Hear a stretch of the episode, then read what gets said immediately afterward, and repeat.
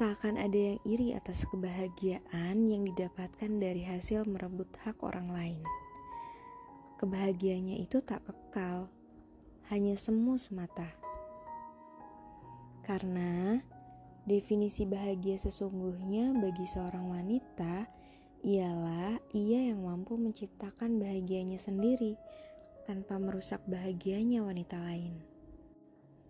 Lucunya, sering kali wanita yang gemar merebut hak orang lain itu bertindak seolah-olah korban, padahal ia pelaku utamanya.